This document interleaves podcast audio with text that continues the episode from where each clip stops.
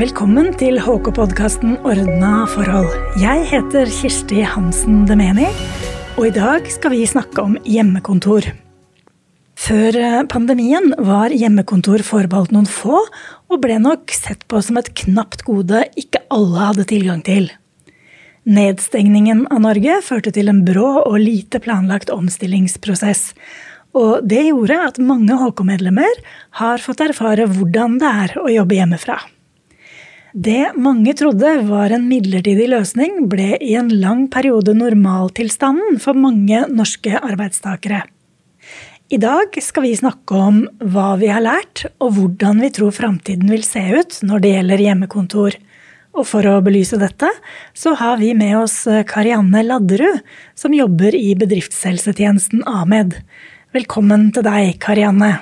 Tusen takk for at jeg fikk komme.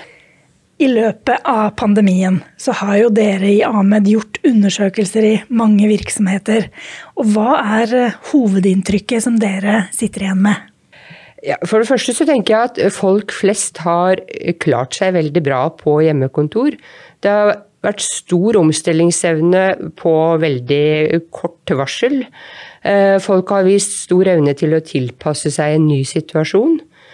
Eh, jeg tenker dette med varierende boforhold og varierende grad av nedstengning rundt i landet har gitt veldig store forskjeller i arbeidsmiljøet, som man jo heller ikke ser til vanlig.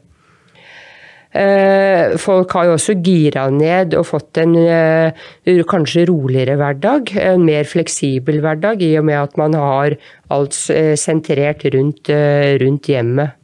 Jeg vil jo også si at bedriftene har snudd seg rundt relativt raskt når dette her først skjedde og man skjønte at det kom til å vare en stund. På nedsiden, og særlig utover i pandemien, så tenker jeg dette her med at mange opplevde en større følelse av ensomhet, og også at man kanskje var litt mer inaktiv enn det man var i, en, eh, i normalsituasjonen. Hvordan er det med den innretningen av hjemmekontoret? da? Er det sånn at folk har brukt eh, strykebrettet som det nye heve-senkebordet? Der tenker jeg også at de varierende boforholdene slår inn. fordi eh, jeg har jo sett alt fra eget, eget, kontor hjemme hvor man har alt tilgjengelig av utstyr og fasiliteter, til at man sitter faktisk i senga og, og gjør, gjør, jobben sin. Opp igjennom så har vi jo sett veldig mye kreativitet, som du sier, strykebrettet. Man bruker hyller, bokstabler, eh, hva det nå måtte være. Men så har du også noen, meg selv inkludert, som eh, setter meg på stolen, og så sitter jeg der helt til arbeidsdagen er slutt uten å tenke så mye over det. Så kjenner jeg heller på at dette var ikke helt godt for kroppen i ettertid. Ja, det er nok noen som har kjent på litt uh, stive skuldre og nakker underveis her. Men hva er inntrykket deres? Fant, uh, fant de fleste arbeidsroen på hjemmekontoret? Ja, det vil jeg si. Jeg tror en av fordelene mange opplever, er jo det, dette med å ha en bedre mulighet for ro og konsentrasjon. Har man konsentrasjonskrevende arbeid, så kan man sitte i fred uten at eh, kolleger stikker hodet inn. Eh, samtidig, særlig i Oslo og østlandsområdet, hvor man har hatt eh, nedstengninger av skole og barnehage i perioder, så, så har det jo ikke vært så mye, mye ro. Da har man jo hatt barn hjemme kanskje en partner hjemme, og ikke plass nok til at alle kan være på, på hvert sitt rom. Du var litt inne på det tidligere, det her med fysisk aktivitet. Eh, og hvordan, eh, hvordan gikk det egentlig, sånn for mange av de dere snakka med, når det gjelder å holde seg litt aktiv? Fordi mange mista jo den turen fram og tilbake til jobben. Ja, jeg tenker du har både turen frem og tilbake, og så man har gjerne mer aktivitet i løpet av dagen på jobb, fordi man har litt større arealer å bevege seg på. Mange bedrifter har vært flinke til å gi økt mulighet til fri, til aktivitet i arbeidstiden. Man, noen har hatt felles pausegym og den type ting. Jeg eh, vet om ansatte som har gående møter, tur ut til lunsjen osv.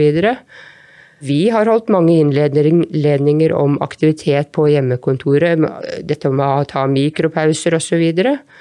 Men i bunn og grunn så tror jeg en god del av dette her går på dette med egen bevissthet, hva man faktisk gjør ut av det selv. Og det å få lagt inn noen rutiner på at man faktisk tar seg en tur og går, går en tur eller gjør annen type aktivitet. Og så ser jeg jo også og snakker med mange som i travle perioder, mange har hatt det travelt på hjemmekontoret, så blir det jo også mindre aktivitet. Mikropauser, sier du. Er det sånne helt korte, korte, korte pauser? Korte pauser, bare litt, eh, litt tøy og bøy. Strekk opp, eh, strekk armene over uh, hodet, så du får litt andre, andre bevegelser og litt blod til muskulaturen. Før pandemien så var kanskje tilliten mellom arbeidsgiver og arbeidstaker ikke alltid helt uh, til stede når det gjaldt det med å ha hjemmekontor. Har det skjedd noe med det tillitsforholdet der nå? Ja, det tror jeg. Eh, det var eh, en del grupper som i liten grad hadde mulighet til hjemmekontor. I pandemien så har vi sett eh, at de har fått tillit, eller bedriftene har blitt tvunget til å gi den tilliten. Og generelt så tror jeg jo arbeidstakerne har vist seg tilliten verdig. Jeg tror ikke produksjonen har blitt noe dårligere, og jeg tror arbeidstakerne også har satt pris på den autonomien som er blitt gitt i, i, i dette. Eh, jeg tenker også at samfunnet generelt er jo Pandemihåndteringen også har jo vært basert på tillit. Så det er jo, noe, det er jo en grunnstein i samfunnet, tross alt, som er kommet tydeligere til, til syne nå, tror jeg. Så vi har egentlig oppdaga at det faktisk går an å være ganske effektive fra, fra hjemmekontoret. Helt klart. Vi har snakka mye om fjernledelse under pandemien. og Kan du si litt om hvilke utfordringer det gir? Ja, jeg, tenker jo for, eh, for, den normale leder som har hatt arbeidstakerne rundt seg, så, så vil jo Når alle, eh, alle, plutselig sitter på hvert sitt kontor hjemme, så vil jo eh, vil det være en større utfordring å ha kontakt, den jevnlige daglige kontakten som man får ved å se folk i gangen eller stikke hodet inn i, inn i kontoret. Og det, det, å finne en god og hensiktsmessig struktur på dette her har nok vært vanskelig for en del ledere. Og jeg tror også dette her, det har vært tidkrevende og ressurskrevende for lederne å finne en god form på dette. Hva sier de ansatte om det? Har lederne klart å få det til? Folk, eh, folk flest eh, eh, i våre undersøkelser har, har vært godt fornøyd med, med led, lederne sine. Men det er jo også samtidig noen som ikke har snakket med leder på månedsvis, så klart. Så så det er jo begge deler, men i hovedsak så er, det, er folk tilfreds med lederen sin. De ser vel også at det er utfordringer med å være leder i den situasjonen, tenker jeg.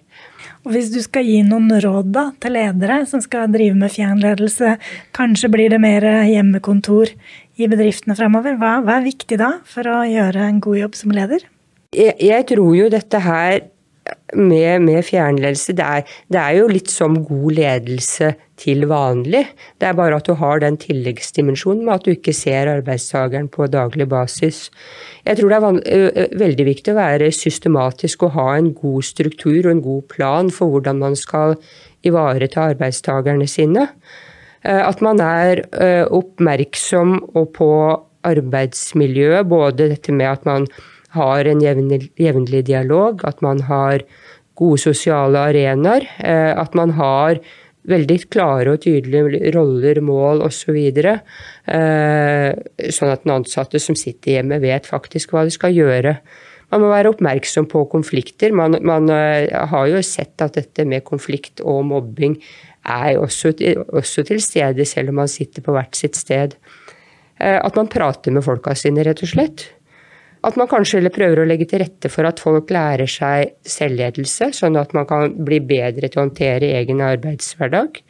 At man bruker verneombud og tillitsvalgte i jobben, fordi de snakker gjerne med, med kollegene på en annen måte. Og så ikke minst at man har litt omsorg for seg selv. Det er en krevende situasjon å være i, sånn at man faktisk tenker på at man, eh, man er ikke Supermann, og, og døgnet har bare et visst antall timer. En annen ting som mange har snakka om, er hvordan denne informasjonsflyten er når mange jobber hjemmefra. Eh, for som du var litt inne på i stad, så mangler vi jo litt de uformelle informasjonskanalene våre som vi har på arbeidsplassen. Enten det er i heisen på vei til jobb, eller ved kaffeautomaten eller i, i lunsjen. Eh, har du noen løsninger på det når folk jobber hjemmefra? For det skal vi jo sikkert fortsette litt med. Det, det, det, er, kanskje den store nøtta, og det som har vært vanskelig. Det, I undersøkelsene våre er det noe av det som har vært mest savnet, det er jo den sosiale kontakten, og også egentlig den faglige eh, praten rundt en kaffemaskin, eller at man stikker hodet innom eh, naboen. Jeg, jeg, jeg, tror det er vanskelig å få helt den samme når man sitter på hvert sitt sted, men jeg tenker det er, det er viktig at man ivaretar de gode formelle informasjonskanalene. Med at man har hyppige og gode møter jeg tenker det å legge til rette for smågrupper, eh, møter i smågrupper, at man har morgenkaffe, andre sosiale aktiviteter, så man kan også ivareta den litt sosiale dimensjonen der. At man bruker telefonen. Og så ser jeg jo jeg ser sønnen min, han, eh, han har skrevet bacheloroppgave i, i denne perioden, og han og gruppa hans de har brukt uh, forskjellige chattegrupper til å, til å, ivareta den informasjonen. Hvor man jo sitter ved arbeidsplassen, og så kan man chatte litt underveis om hva man tenker og innspill og, og ideer. Og så må vi jo snakke litt om da, disse digitale møtene. Og her har det jo vært en bratt læringskurve for eh, de fleste av oss. Men hva liker folk egentlig best, og hva liker de dårligst med disse digitale møtene? Jeg tror de fleste syns at uh, uh, digitale møter er gode til ren informasjon. Ren informasjonsformidling uh, er, er Man når alle, og man når de samtidig. Man kan ha mange på, sånn at man, man ha, har en lett tilgjengelig kanal. Det som er verre, er jo dette her med å ha kreative prosjekter, samarbeidsprosesser, Eh, i så, et sånt format. Det blir jo ikke så spontant med at man skal drive med håndsopprekning eller eh, passe på forskjellige kanaler i Teams-møtet. Folk snakker også om at de blir mer slitne. Eh, det er både fordi det er vanskeligere å tolke kroppsspråk, så man blir veldig fokusert på skjermen, men også og så tenker jeg man, man sitter veldig låst til skjerm hele, hele tiden. Det er også lettere tenker jeg, å gjemme seg bort hvis man ikke ønsker å være en del av dette møtet. Sier de som dere har snakka med nå om arbeidsmengde og tempo? Ja. Eh, det er jo Min opplevelse er at mange har eh, hatt en veldig økning i arbeidsmengde blant våre bedrifter. Naturlig nok, det er mye forbund som eh, ivaretar medlemmer som har vært permittert osv. Økt arbeidsmengde for veldig mange. Eh, jeg tenker dette med reisevei har, Eller reiseveien som ble borte, blitt, eh, den blir spist opp av merarbeid, rett og slett. Samtidig så har du noen som har hatt bortfall av arbeidsoppgaver. Folk som kanskje er mer eh, basert på å jobbe ut mot virksomheter, skal ut på besøk, har kanskje hatt en litt annen hverdag med mindre, mindre arbeid. Har du noen gode tips til hvordan vi kan skille bedre da, mellom jobb og fritid, når eh, PC-en kanskje står på kjøkkenbordet og vi skal jobbe hjemmefra? Oh, det, det, er, vanskelig, fordi du har, det du har det både lett tilgjengelig sånn fysisk med å være på PC, men også det at du har en sånn stadig visuell påminner om at der er kontoret mitt. Eh, jeg tror jo det har noe med egen grensesetting å gjøre også her. At man faktisk, eh, faktisk sier nå er arbeidsdagen slutt, nå må jeg la den være. Det handler litt om signaler fra bedriften og sjefen. Det, sender sjefen en mail klokka sju om kvelden, så er det jo lett å gå og svare på den. Eh, jeg tenker dette her med å rydde bord, skru av PC-en, prøve å skyve det litt til side. Eh, og kanskje også lage seg noe slags rituale ved arbeidsdagens slutt. Jeg pleier å tre på meg jakka og gå meg en tur. Gå en, bare en kort runde rundt kvartalet for å si at nå, nå er vi ferdig med dagen i dag. Det er eh, noen som har følt på slitasje og kanskje også nedstemthet etter over et år på hjemmekontoret. Kan vi regne med at nå som vi kan komme tilbake på kontoret, så går det over og alt er bra igjen? Tja, eh, ja, men ikke nødvendigvis med en gang, kanskje. Eh, jeg tenker jo at eh, enkelte vil jo fortsatt være engstelig for, eh, for pandemi. Eh, nå er vi heldige i Norge, men det er, jo, det er jo ikke sånn alle steder. Man vet aldri hva som kommer nytt. Jeg tenker jo det at enkelte har satt pris på å få jobbe alene og være alene, og gruer seg litt til å komme tilbake til til arbeidshverdagen som den var. Noen gruer seg til reiseveien. Eh, og, så har man dette her med at man kanskje får litt sosial overload, rett og slett. og man kommer jo ikke bare tilbake til arbeidsfellesskapet, men også til samfunnet som åpner opp så veldig. Jeg vil gjerne at du skal si litt om et fenomen, nemlig reverse culture shock. Eller eh, hvis vi skal prøve oss på en oversettelse, det omvendte kultursjokket. Ehm, hvordan oppleves det? Dette er jo et begrep som gjerne har vært brukt når man kommer hjem fra lengre reiser, tjenesteoppdrag i utlandet osv. At man har utfordringer med å tilpasse seg den hjemlige kulturen på nytt.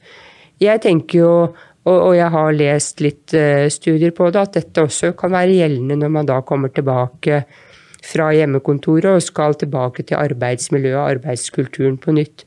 Man går fra en eremitt som har sittet litt for seg selv i, i sin egen lille verden, til å bli et sosialt vesen. Man tar, har kun uh, hatt seg selv eller familien å ta hensyn til. Uh, nå skal man plutselig ta hensyn til ikke bare de, men også alle rundt seg på arbeidsstedet. Uh, man skal tilpasse seg arbeidsmiljøet og de kravene som stilles der. Man får en form for mental overbelastning, tenker jeg, med at det blir mye mer støy, det blir mer, mye flere inntrykk. Samfunn, som jeg sa også, samfunnet åpner jo også, så man får jo inntrykk også fra andre steder enn arbeids, eh, arbeidsmiljø. Og så er det jo en sånn derre generell forventning om at man skal være lykkelig for, uh, for at det er åpent og for at man kan gå på jobb. Det er jo ikke alle som har den følelsen. Det er ikke alle som var lykkelige for å gå på jobb før, før vi stengte ned. Og jeg tenker det er ikke sikkert at alle er like lykkelige for å komme tilbake heller. Så clouet her blir egentlig å, å, være litt nysgjerrig på hvordan folk har det. Hvordan har kollegaen min, og ikke ta det som en selvfølge at eh, vedkommende opplever det på akkurat samme måte som meg. Ja, det tenker jeg er lurt. Hvis vi skal prøve å se litt framover, hvordan eh, ser du for deg da at det vil bli i framtida når det gjelder bruk av hjemmekontor, digitale møter og reiser? Jeg tror jo at det blir, og jeg har jo sett medieartikler og andre steder, jeg ser noen av forbundene her, eh, som, som satser på hybridkontor. Altså at man har et visst antall dager hjemme, visst antall dager på kontoret, eller at man har litt mer fleksible løsninger at kanskje hovedarbeidsstedet er kontoret, men så, så har man mulighet til å ta litt, eh, litt, hjemmekontor også. Jeg ser for meg at det er en trend som kommer til å fortsette i fremtiden. Eh, det innebærer jo selvsagt også at man må fortsette med digitale møtene. Jeg tror eh, også man da kan få mer hybridmøter. At noen henger på veggen på en skjerm, og andre sitter på møterommet. Det er jo en av fordelene, tenker jeg, også med, med møtene, er at man kan nå folk andre steder i landet uh, uten at man da må, må, må ta en flyreise for, uh, for et totimers møte. Så jeg tenker at det vil, dette vil utløse mindre reising til en viss grad. Men, men jeg ser jo også at det, det å få forflytte seg og se faktisk se folk i levende live er jo en bonus ved møter også. Eh, jeg tror jo eh, arbeidsplassen blir enda større grad en sosial arena. Eh, der vi treffes for å ha den sosiale kontakten, være kreative sammen, planlegge nye prosjekter og prosesser, få den faglige oppdateringen.